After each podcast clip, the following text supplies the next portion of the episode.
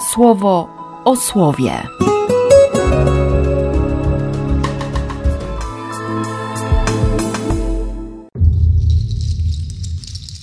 30 lipca, piątek. Z Księgi Kapłańskiej. Pan skierował do Mojżesza następujące słowa: Przemów do synów Izraela. Powiedz im tak: Uroczystości Pana, na które będziecie zwoływać święte zebranie, ode mnie pochodzą. Przez sześć dni będziesz pracował, a siódmego dnia będzie szabat, odpoczynek, święte zwołanie. Żadnej pracy nie będziesz wykonywał.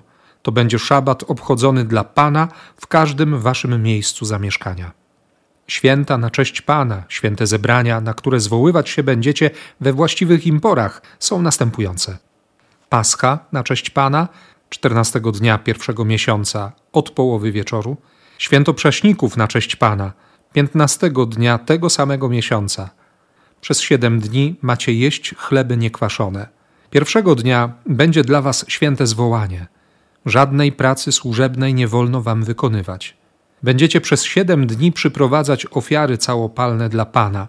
Siódmy dzień będzie dla was świętym zwołaniem. Żadnej pracy służebnej nie wolno wam wykonywać. Pan skierował do Mojżesza następujące słowo: Przemów do synów Izraela, powiedz im, kiedy wejdziecie do krainy, którą ja wam daję, i będziecie rządź w niej zboża, przynieście do kapłana snop jako pierwociny żniw. Kapłan wzniesie ten snop przed Pana, aby dla waszego dobra był przyjęty. Wzniesie go pierwszego dnia po szabacie. W dniu przyniesienia snopa złożycie też rocznego baranka bez skazy na ofiarę całopalną dla Pana, z dodaną do niego ofiarą dwóch dziesiątych miary wyborowej mąki pszennej, zaprawionej oliwą, jest to ofiara dla Pana, woń miła Panu, oraz ofiarę płynną z wina w ilości czwartej części chinu. Nie wolno wam jeść nowego chleba ani prażonych krup z niedojrzałych ziaren pszenicy, aż do tego dnia, w którym przyniesiecie wymienione dary dla waszego Boga. Jest to prawo wieczne dla wszystkich waszych pokoleń we wszystkich miejscach waszego zamieszkania. Od dnia po szabacie, czyli od dnia, w którym przynieśliście snop do przedłożenia, odliczać będziecie siedem pełnych tygodni, aż do dnia następnego po ostatnim tygodniu odliczycie pięćdziesiąt dni i wtedy przyniesiecie Panu nową ofiarę. Pan skierował do Mojżesza takie słowa: Dziesiąty dzień tego samego siódmego miesiąca będzie dla was dniem przebłagania, zwołaniem świętego zgromadzenia. Ukorzycie swoje dusze i przyprowadzicie ofiary całopalne dla Pana. W tym dniu żadnej pracy nie będziecie wykonywać, jest to bowiem dla was dzień przebłagania, żebyście mogli dokonać przed Panem, waszym Bogiem, przebłagania za siebie. Jeśli ktokolwiek w tym dniu nie ukorzy się, ma zostać całkowicie usunięty ze swojego ludu. Będzie to dla was szabat nad szabatami. Macie ukorzyć swoje dusze – Będziecie obchodzić wasz szabat od wieczora dziewiątego dnia tego miesiąca do następnego wieczora. Pan skierował do Mojżesza następujące słowa: Przemów do synów Izraela, powiedz im: Piętnastego dnia tego samego siódmego miesiąca zacznie się na cześć Pana siedmiodniowe święto namiotów. Pierwszego dnia będzie święte zwołanie. Nie będziecie wykonywać żadnej pracy służebnej. Przez siedem dni przyprowadzać będziecie ofiary całopalne dla Pana. Ósmego dnia będzie dla was święte zwołanie i przyprowadzicie ofiary całopalne dla Pana. Jest to święto odejścia. Żadnej służebnej pracy nie będziecie wykonywać.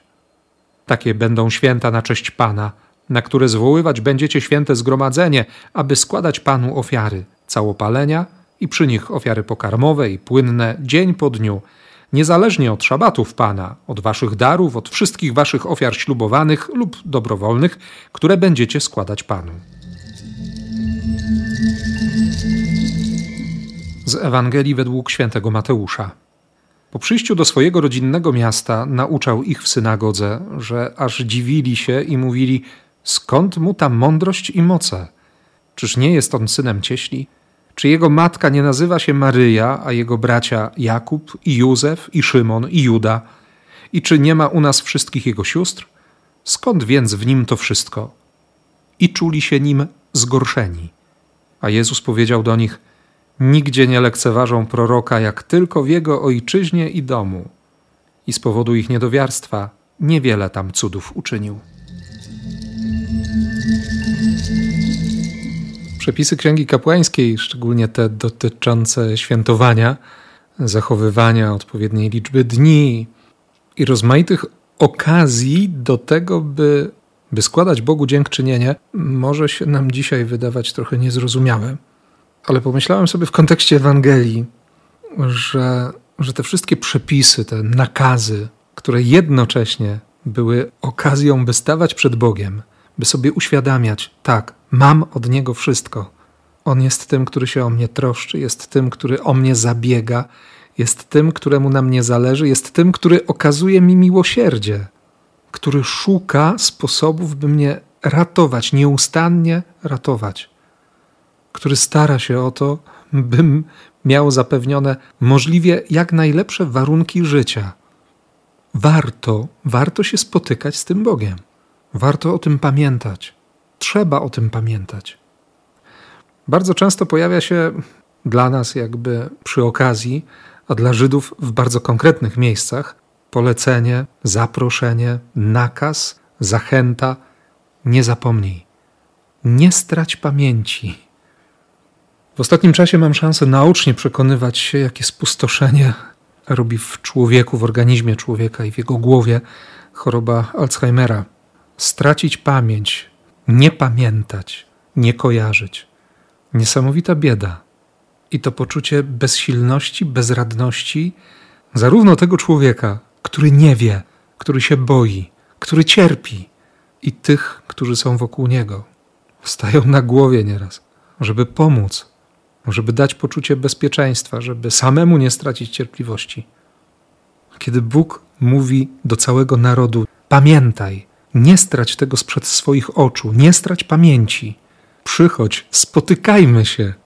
To właśnie po to, aby swój lud uchronić od niepotrzebnego cierpienia, od tego poczucia bezsensu, od kręcenia się w kółko z przerażeniem, że, że nie wiem po co, że nie widzę sensu życia, że nie mam przyszłości, że nie wiem, kim jestem. To było najważniejsze doświadczenie Mojżesza.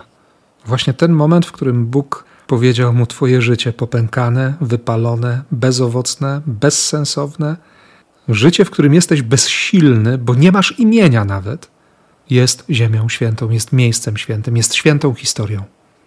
To uratowało Mojżesza. On nie zapomniał. Nie wiem jak ty, ja widzę, jak często zapominam. Zapominam o łasce, zapominam o błogosławieństwie, zapominam o spotkaniu. Myślę, że z biegiem czasu mogłoby to doprowadzić nawet do, do zapomnienia o życiu, o prawdziwym życiu.